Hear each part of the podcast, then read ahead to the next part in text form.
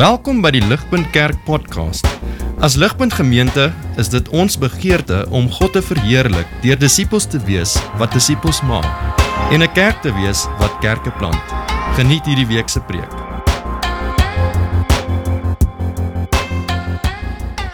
Soos ek nou eintlik al reeds uh, ge, geïmpliseer het, nee, ons is nou in daai tyd van die jaar, nê, nee, elkeen van ons waar ons gesprekke met mekaar en ons gesprekke met mense by die werk en met almal se small talk maak en klink ons almal se gesprekke dieselfde nê. Nee. Wat ons hierdie tyd van die jaar vir mense sê is ons sê die jaar moet nou tot 'n einde kom.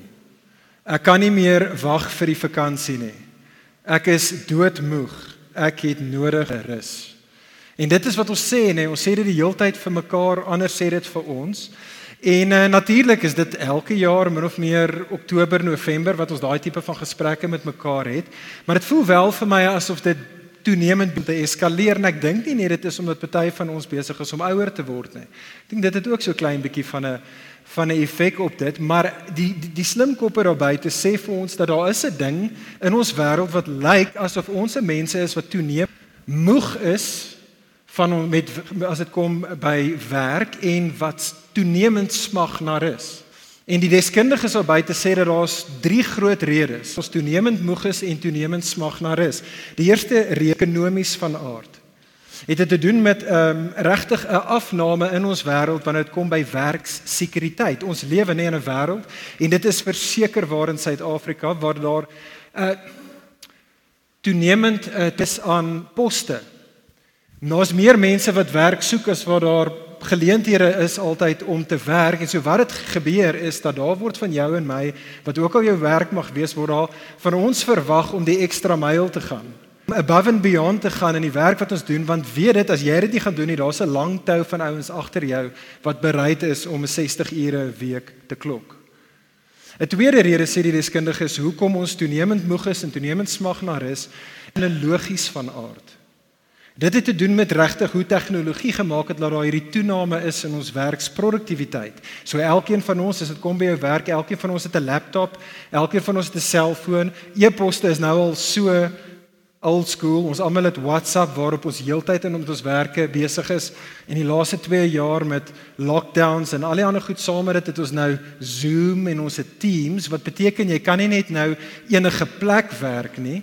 Tyd is nou jy kan enige tyd werk en dit word van jou verwag om nou enige tyd te werk.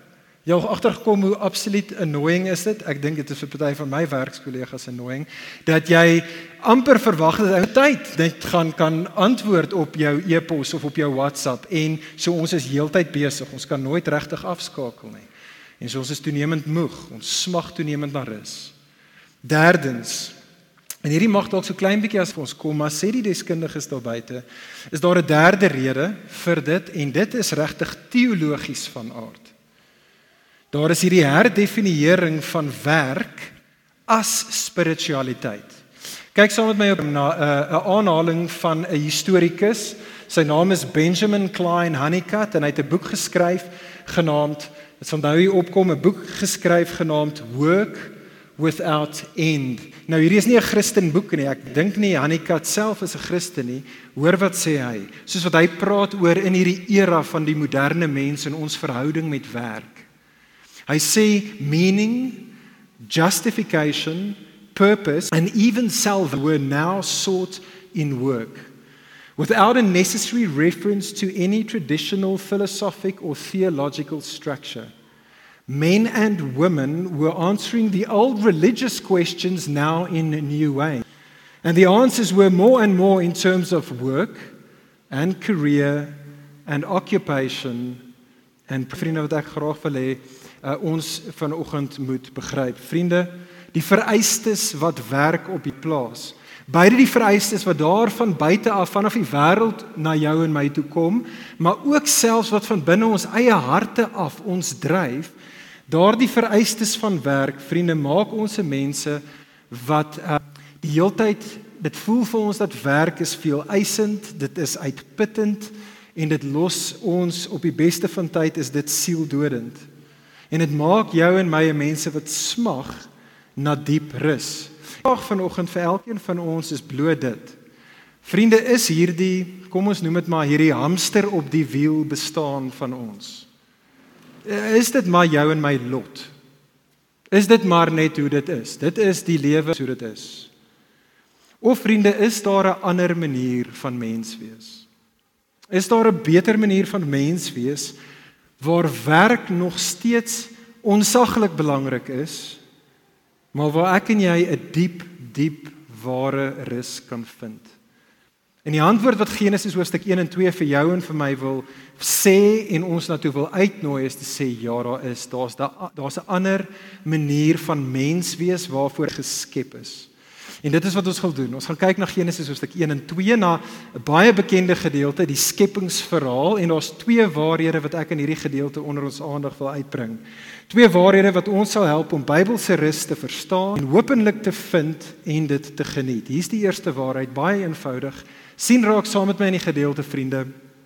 God het gewerk en gerus. En ek wil hê ons moet dit sien. God het gewerk. Stel asseblief julle Bybels op of julle blaadjies op. Uh, hou dit voor julle. Ek gaan ek wil hê ons moet ons neuse in die teks hê. Uh, maar ons wil daarna kyk. en sien dat God het gewerk en gerus.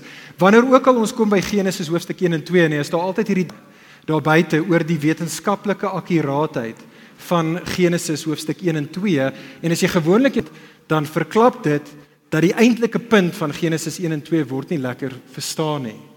Want die punt van die teksgedeelte is is nie so seer om vir ons die hoe vra met betrekking tot die skepping uh, te beantwoord nie, maar eerder die hoekom vra met betrekking tot die skepping. Te antwoord dit is hoekom Genesis 1 en 2 is. Dit is daarom jou en my en die lesers te help om te verstaan waarvandaan kom alles. Waarvoor bestaan alles? Waarheen is alles op pad? Dit is hoekom dit was. In Genesis 1 en 2 vriende is die aankondiging dat agter 'n skepper. En juis omdat hy die skepper is, is hy die koning van die kosmos. Dis regtig die groot punt Genesis hoofstuk 1 en 2. Nou wat ek wil hê ons moet sien hier, so kyk saam met my in Genesis 1 daar. Hy is 'n koning wat gewerk het. Genesis 1 Ons drie kenmerke, baie vlugtig. Ons het nie tyd om dit alles te werk saam met daar baie vlugtig. Is daar drie kenmerke van God eh, soos wat hy werk in Genesis 1. Eerstens, hy het geskep. Hy het geskep met ander woorde, hy dit wat nie bestaan het nie, het hy tot stand gebring en hy het dit gedoen deur woord. Die punt is daar vriende, as God praat, dan gebeur dinge. En dit is die punt. Reg hierdie gedeelte, jy sal jy daai herhaling opgetel het toe dit gelees was en God het gesê en God het gesê en God het gesê wanneer hy praat gebeur dinge. Maar hy's nie net 'n God wat wanneer hy werk het hy geskep en hy het ook geskei. Het jy dit opgetel hoeveel kere dit herhaal word in die teksgedeelte?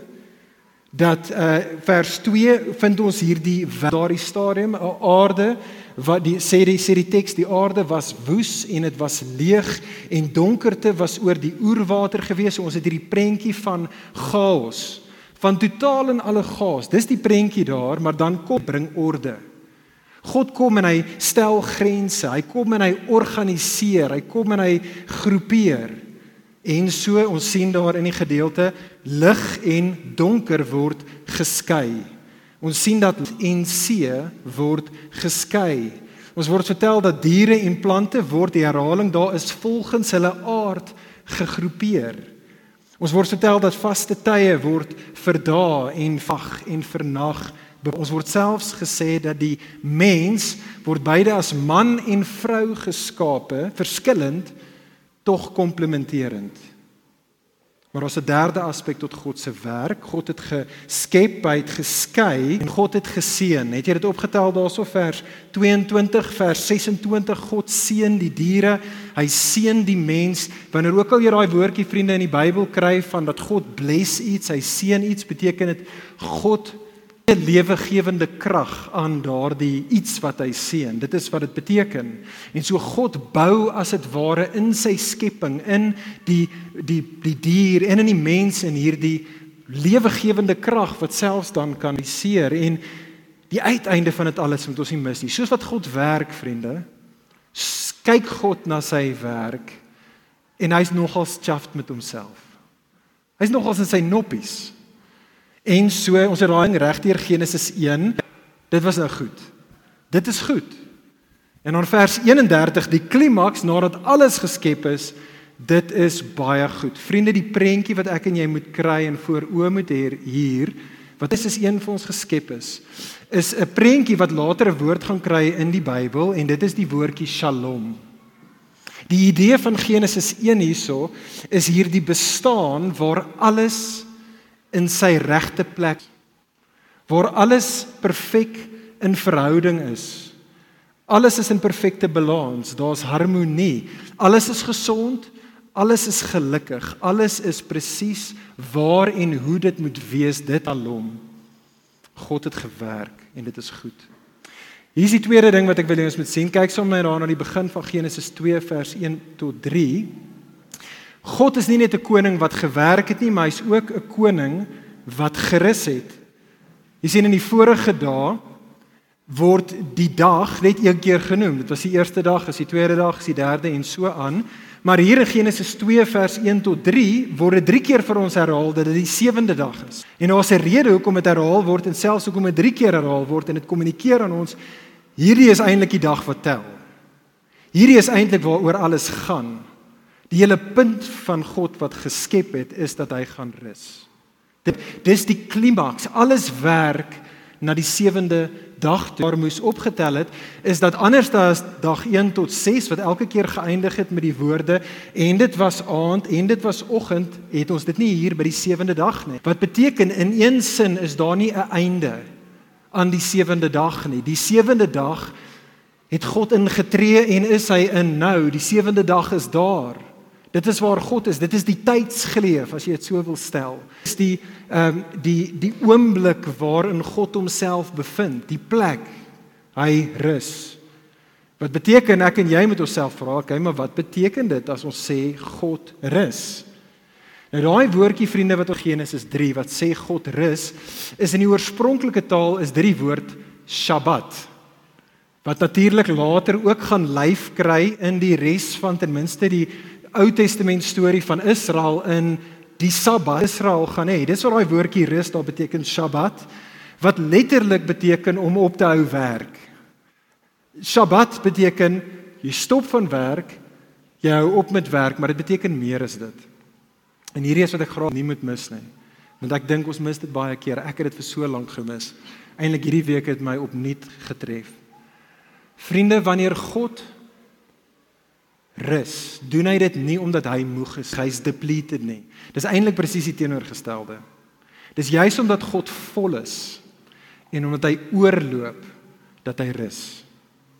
Daai woordjie kan ook vertaal word en word op plekke gevertaal in die Bybel as om te sê om te vier en dis eintlik wat God hiermee besig is. Hierdie is God soos wat hy in Genesis 1 kyk na alles wat hy gemaak het en dit was goed, dit was baie goed.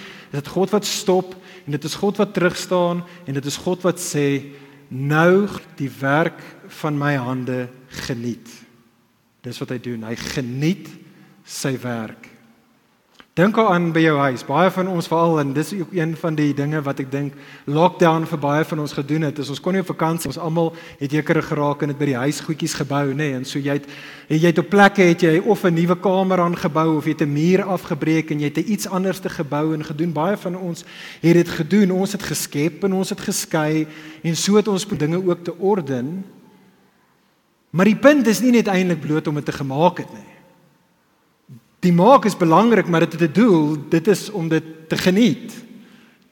En so wat jy iets gebou is en jy's klaar, jy skoon gemaak dan nooi jy jou pelle, jy nooi jou familie en en as julle daar om die braaivleisvure staan en die kinders speel jaar in die swembad en julle sit op julle stoep en julle kyk uit oor jou tuintjie, dan het jy die diep diepe jy geniet die werk van jou arbeid, jy rus. Vriende, dit is wat ons hier het in Genesis hoofstuk 2. God stop en hy geniet die vrug van sy arbeid en ons het nodig om hier te stop en net 'n ding 'n oomblik oor die grootste van implikasies van daardie waarheid want ek dink daai prentjie wat ons skryf van Genesis 1 en 2 veral van hoe God rus verander alles. Dit verander hoe ek en jy na Maar meer is dit verander die manier wat ek God dink. Dit verander alles. Vriende, wat Genesis 1 en 2 vandag vir jou en vir my sê, is dit kommunikeer aan ons dat hierdie wêreld insluitende ek en jy ons behoort aan God. Want hy is ons behoort aan hom. Hierdie gedeelte kommunikeer aan jou en my dat hierdie wêreld en veral ek en jy is kosbaar vir God. Dit is vir hom goed. Vir hom baie goed. Maar meer as dit vriende, kommunikeer hierdie gedeelte aan jou en my dat ek en jy juis bestaan om deur God geniet te word. Dit verander hoe ek en jy oor die wêreld dink, hoe ek en jy oor God dink. Vriende, dink so daaraan. Ek dink Genesis 1 en 2 is inderdaad die fondasie waarop alles gebou word. Hierdie is wat aanbidding is, die essensie vriende van aanbidding.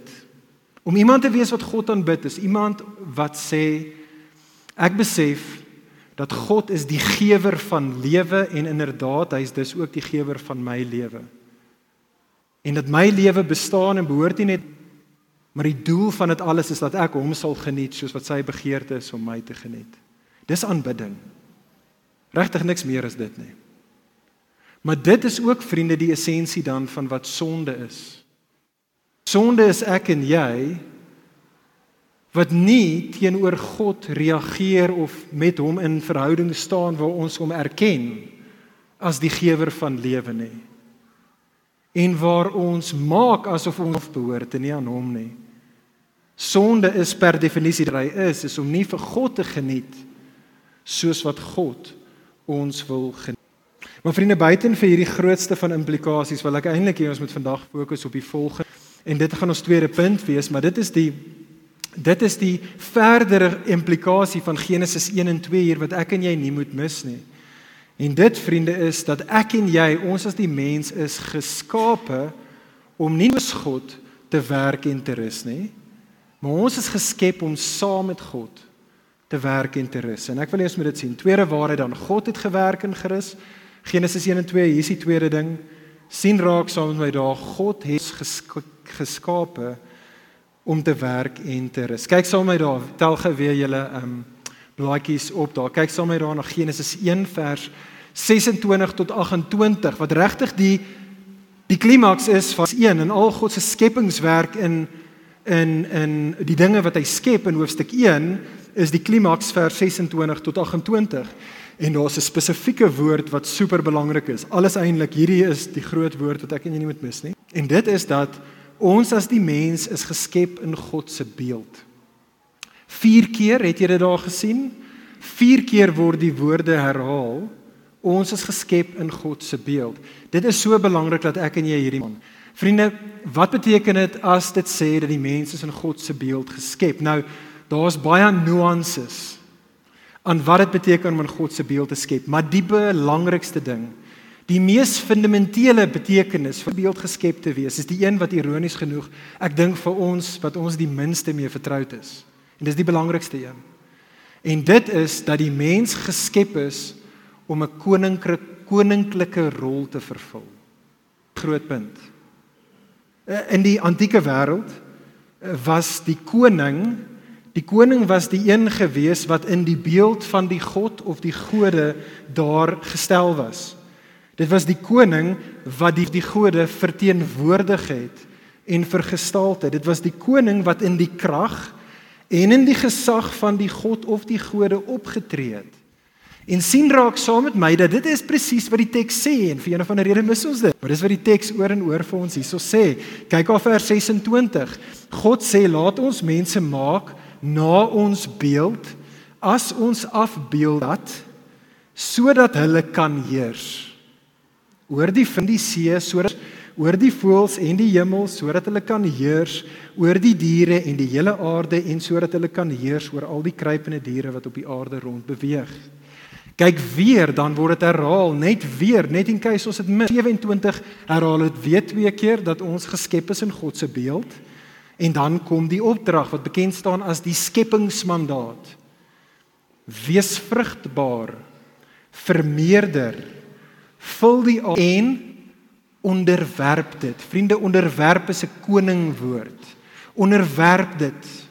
Bring dit onder jou heerskappy eintlik onder my as die koning van die kosmos se heerskappy. Heer die visse sê dit weer. Heers oor die voëls en die hemel, heers oor al die diere wat op die aarde rond beweeg. Vriende, dink aan Maandag wat verby was. Dit was awesome want ons het 'n lang naweek gehad, maar dit was eintlik stemdag as jy dit kan onthou. Stemdag gewees.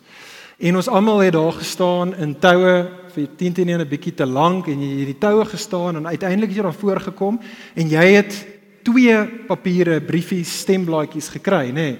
Die een was vir die politie wat jy voor gaan stem in jou munisipaliteit, so vir ons in Tshwane, Pretoria. Maar dan het jy daar spesifiek waar jy woon in jou woonbuurt 'n ander stembriewe gekry wat was vir jou wijk, vir jou want jy sien in jou area daar op die grond waar jy woon in jou woonbuurt is daar 'n verteenwoordiger aangestel deur daai politieke party wat daar op die grond is en dit is daai persoon, daai man of daai vrou daar is om seker te maak dat dit wat die wil is en dit wat die begeerte is van daardie politieke party sal geskied daar op die grond waar jy woon. En so hulle is daar om die politieke party te te verteenwoordig om daar te kom en te probeer om dit wat hulle graag wil hê te maak gebeur in jou woonbuurt. En vriende, dit is presies wat Genesis 1 vir jou en vir my leer. Dit is die hele punt van ons as die mens. Vriende, ons as die mens sê Genesis 1 is juis geskep en ons word gestuur om as koninklike gesande van die koning van die kosmos tree. Ons is gestuur om daardie ons hier waar ek en jy woon, waar ook al hy ons geplaas het, om hom te verteenwoordig, vergestald.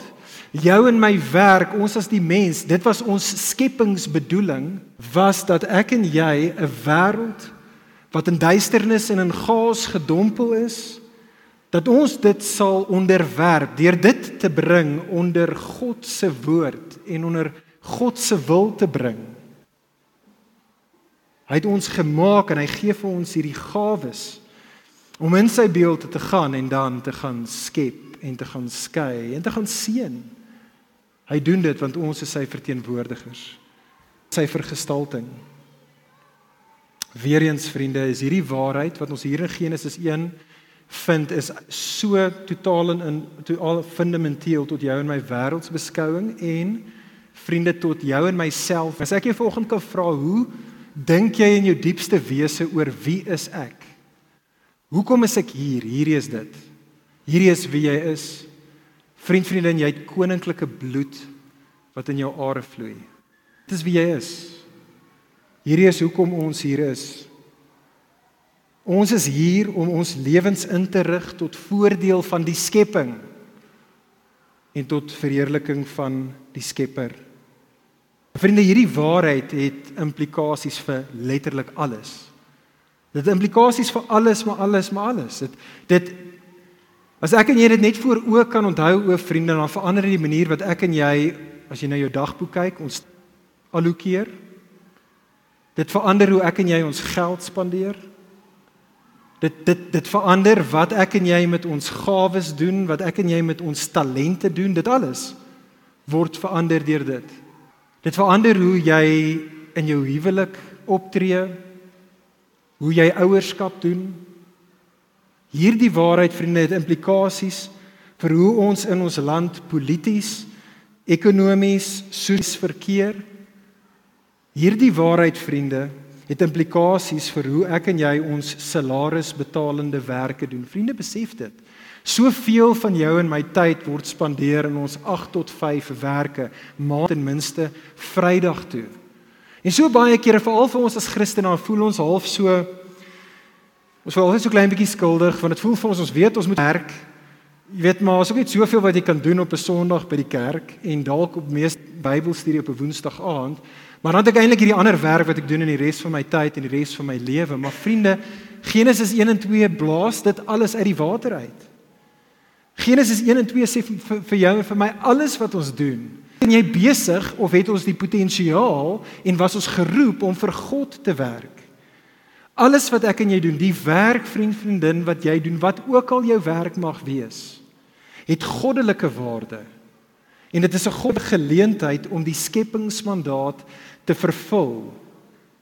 En soos wat ek en jy daai werk waar God in sy soewereiniteit jou geplaas het met die gawes wat hy vir jou gegee het, soos wat ek en jy dit tot die beste van ons gewe vermoë doen, vriende, is dit goed vir God. Dit is vir hom baie goed. En hy geniet dit. Hy geniet jou. Jy's besig om jou skepingsmandaat te vervul.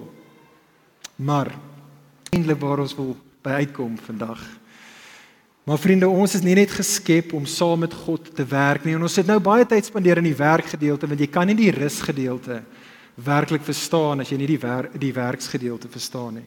Ons is nie net geskep om saam met God te werk nie, maar ek en jy is ook geskep om saam met God te rus. sien saam met daar in Genesis hoofstuk 2 vers 3. Kom ons zoom in op haar heel laaste versie daarin. sien dit raak. Vriende, soos wat God die sewe man skep, is daar twee dinge wat die teks vir ons sê wat God doen. Nie net wat hy doen op die sewende dag nie, maar wat hy doen met betrekking tot die sewende dag. Wat die sewende dag as dit ware is. Die eerste sê vir ons dat God het die sewende dag geseën. Nou onthou, hy het die diere geseën, hy het die mens geseën, nou seën hy 'n dag. Met ander woorde sê die teks dat in hierdie dag, hierdie oomblik, hierdie tydsgleef, God bestaan, skenk hy aan daardie dag lewegewende krag in dit van itself aan daardie dag. Tweedens sien ons dat God hierdie sewende dag geheilig. Die Bybel fundamenteel is God se wese heilig. Hy is die een wat heilig is en alles anderste is derivatives van sy heiligheid. En as dit hierso sê dat God hierdie sewende dag geheilig, dan kommunikeer dit aan ons dat God kies heilige karakter uniek op hierdie dag te manifesteer. Vraag is, hoekom doen God dit? Hoekom maak hy 'n sewende dag? Ons weet dit is vir hom sodat hy dit sal geniet. Hoekom maak hy dit vir jou en vir my? Dis vriende, want ek en jy het dit nodig. Ons het dit nodig. Dink saam met my aan date night. Okay, dink aan date night, uh, die ehm um, boeke daar buite as jy 'n boek sal lees om met enigiemand gesels, as jy wil in jou huwelik werk, as jy luister wat jy nodig het in jou huwelik is 'n date night. Jy en jou vrou of jy en jou man het nodig om ritmes in julle lewe daar te plaas waar julle stop. Waar julle stop van die harwar van lewe en van julle werk, waar julle stop vir van kinders en die craziness daarvan en julle twee moet stop en julle het nodig om tyd met mekaar te spandeer. En soos wat julle dit daarso doen, het julle nodig om as dit ware terug te staan. Julle het nodig om terug te staan en te gesels en te refer oor hoe hoe gaan dit met die werk en hoe gaan dit met ons lewens, hoe gaan dit met die kinders, hoe gaan dit met ons? En en die ouens albei as hulle julle daai date night nodig want soos wat julle dit doen, man dis daar waar die magic weer terugkom. Dit is daar waar jy krag kry om dan weer te kan aangaan, terug na die craziness en die chaos van huis en lewe. En dit is daar waar julle intimiteit groei, dis daar waar julle meer eensgesind word. Dis waar julle waar julle as dit ware aan mekaar hopelik ten afsmeer. En so vriende, is dit met die Sabbat. Dit is wat die Sabbat is. Dis date night met God. Dit is wat dit is. Die sewende dag is hierdie sacred time waar God en sy mense terugstaan, tyd met mekaar spandeer en waar God se mense tyd met hom spandeer en waar sy krag en sy kuier as dit ware aan hulle afsmeer sodat hulle dan kan teruggaan na die werk wat hulle voor geskep was en wat hy hulle tot geroep het en wat hulle vooruitgestuur het. Maar hulle het daai nodig hulle het daai tyd met hom nodig waar hulle beide fisies stop en fisies rus maar waar hulle ook geestelik rus saam met hom En hoe vriend vriendin ek het jy dit ek en jy dit nodig. En ek sê nie net hierso Christen jy dit nodig nie. Ek sê mens jy dit nodig. Ons was geskep hiervoor. Ons was geskep vir hierdie Genesis 2 Sabbatsrus. Fisies stop, maar is meer is dit. Dis 'n geestelike en 'n fisiese rus. Waar jy skepper spandeer en hom geniet soos wat hy jou geniet. Vriende, as ek en jy dit nie het nie, is ons soos zombies. Het jy al daai zombie movies gesien, half lewend, half dood? Dis ons vriende. Dit is ons van as ons plek is waar ons ons sabbatsrus in God vind nie. Ons is nooit werklik wakker nie. Ons is nooit werklik lewendig nie. Ons is maar net zombies. En soos wat ons oor Sabbat praat, vriende, besef ek dat veral in 'n plek soos Pretoria en in 'n kultuur soos ons onder Afrikaners, dadelik is daar een van twee plekke wat ons koppe na toe kan gaan. Ek dink daar's twee extreme wat albei wil vermy word wanneer jy oor die Sabbat dink. Ek dink vir party van ons, wanneer ons aan Sabbat dink, dan is ons wetties. Ons dink oor die Sabbat as 'n lys van moets en moenies, dinge wat ek moet doen en as ek dit gaan doen, dan ek val want ek het die dinge gedoen, dan is God met my gelukkig as ek net hierdie volgende klomp eh, lyste van reëls en moets en moenies kan hou. En vriend, vriendin, as dit jy is, as jy 'n wettiese manier het om te dink oor die Sabbat, het ons nodig om te besef jy is nie fisies die volk Israel nie. Ek en jy staan nie onder daai verbond wat God by Sinaï gesluit het met die volk Israel nie. Dit is treffend. As jy die Nuwe Testament lees, is dit treffend dat van die 10 gebooie word elkeen van die gebooie word herhaal in die Nuwe Testament behalwe een. Die vierde ene dat jy die Sabbat moet onderhou. Dit is treffend dat as jy die Nuwe Testament lees, byvoorbeeld in 14 of 'n ander voorbeeld sal wees is Kolossense 2 en as jy kyk na Jesus in die evangelies, maar as jy kyk spesifiek daarso in Romeine 14 en Kolossense Kolossense 2, dan sien ons daarso dat dat Christene het verskillende opinies oor die Sabbat en hoe hulle die Sabbat onderhou het. En so indien dit jy is, vriend vriendin, as jy so klein bietjie wetties is as dit kom met betrekking tot die Sabbat, het jy nodig om Genesis 2 se groot waarheid vandag te onthou en te besef. Jy het nodig om te besef dat die Sabbat is nie so seer 'n gebod vir jou om te onderhou nie. Dis eerder vir jou 'n geleentheid om God te geniet. Maak daai daai daai shift. Dis nie 'n gou nie, is 'n geleentheid vir jou om God te geniet. Maar dan meeste van ons in 'n konteks soos waarin ons osself bevind, is nie so seer wetties wanneer dit kom by Sabbat nie. Ons val van die ander kant van die perd af. En vir baie dink ek is ons te wêrelds wanneer dit kom met betrekking tot ons sabbatsonderhouding. Ons maak die fout vriende om baie kere te dink omdat die sabbat nie 'n gebod is wat spesifiek aan ons gegee is nie vir daardie rede jy nie nodig om 'n sabbatsbeginsel in ons lewens te onderhou nie. Nee, dit is maar net soos enige ander dag. En ek kan maar net doen wat ek op enige ander dag doen.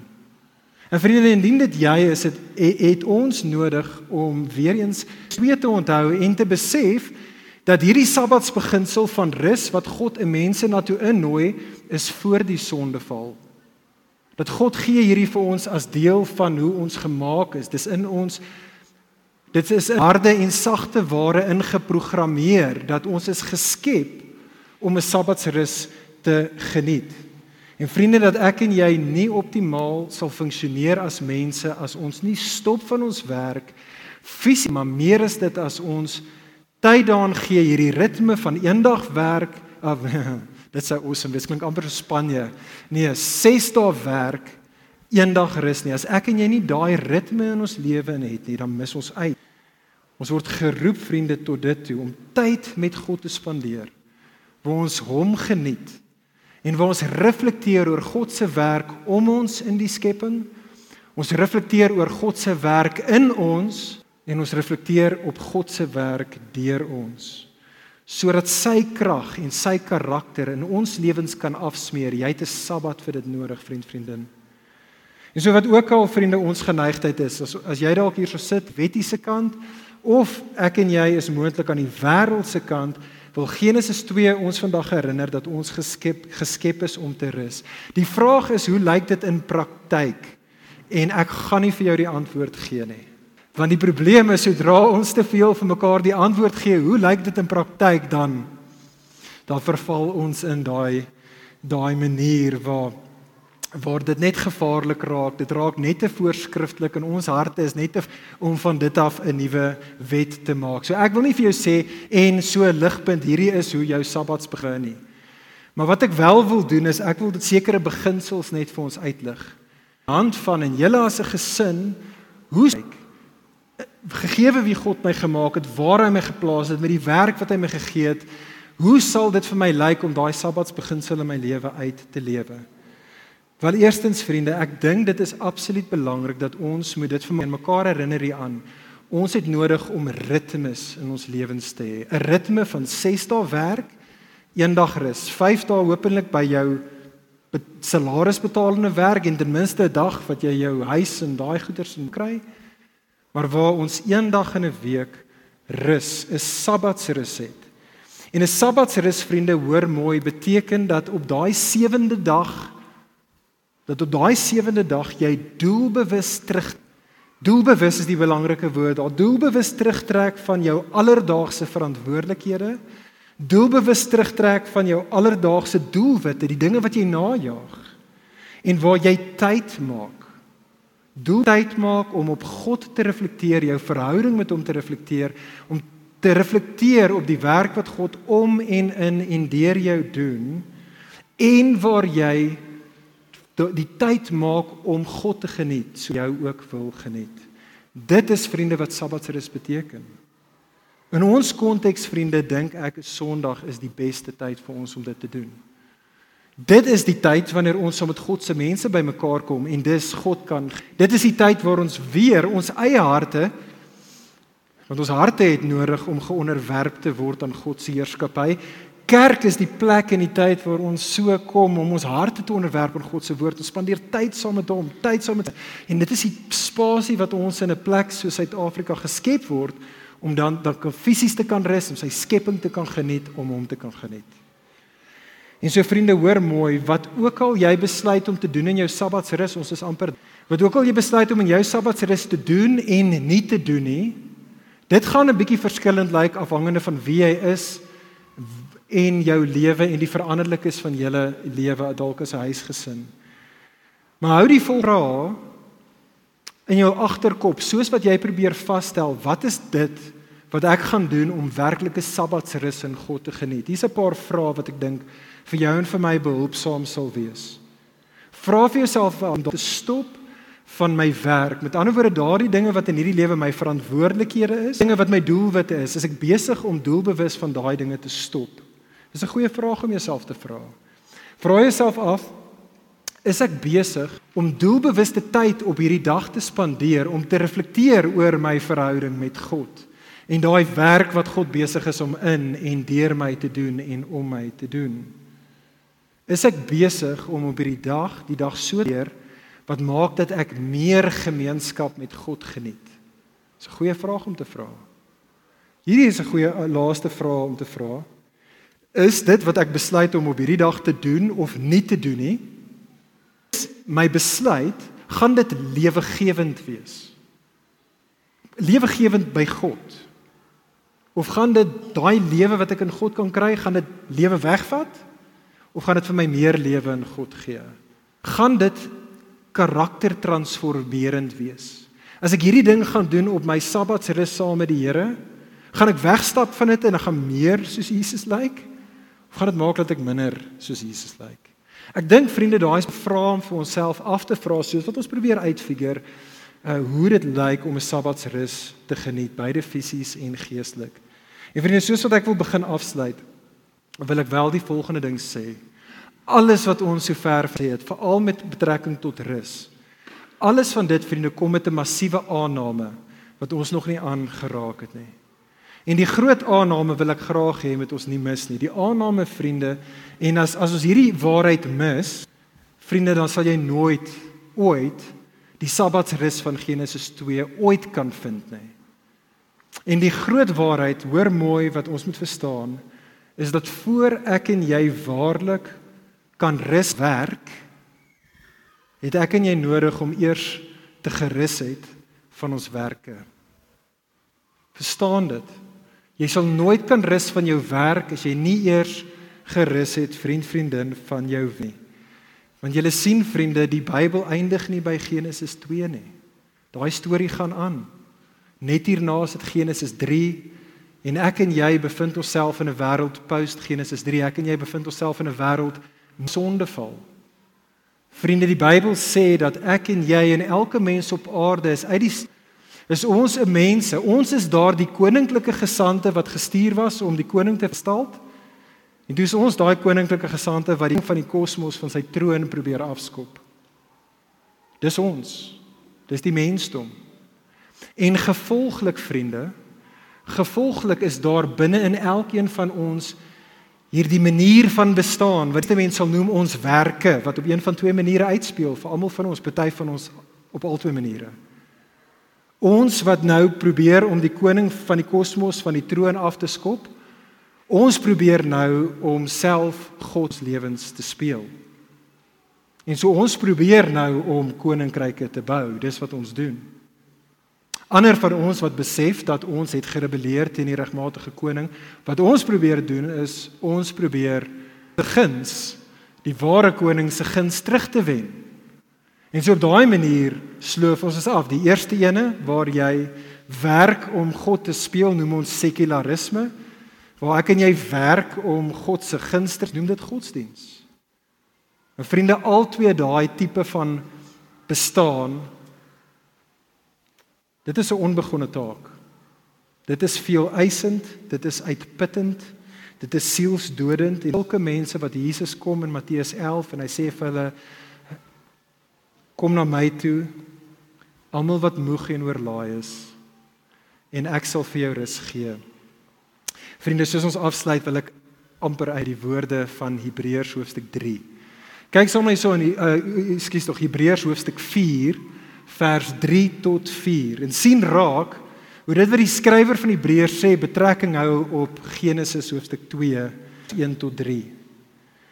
Die skrywer van Hebreërs praat met Christene en hy sê vir gelowiges ons wat tot geloof gekom het, ons wat tot geloof in Jesus gekom het, gaan immers wel die rus in. Want hy het immers eers aangaande die sewende dag gesê God het op die sewende dag van al sy werke gerus. Met ander woorde sê die skrywer van Hebreërs vir jou en vir my vriende dat daar 'n verband, 'n korrelasie tussen die rus wat ek en jy in Jesus kan vind en die rus wat ons in Genesis 2 vind. Vriende, en hierdie is die punt, moet dit nie mis nie. Vriende, Jesus is is hy waarvan die Sabbat skade weer is. Vriende, soos wat die nuwe Jesus skyn, En die Nuwe Testament vir ons sê dat Jesus is niemand anders as God self wat mens gebo mens geword het nie. En dat Jesus gekom het en hy die lewe gelewe wat ek en jy moes, maar nie het nie. En Jesus het toe op 'n kruis die dood gesterf wat ek en jy moes, het hy in ons plek gesterf.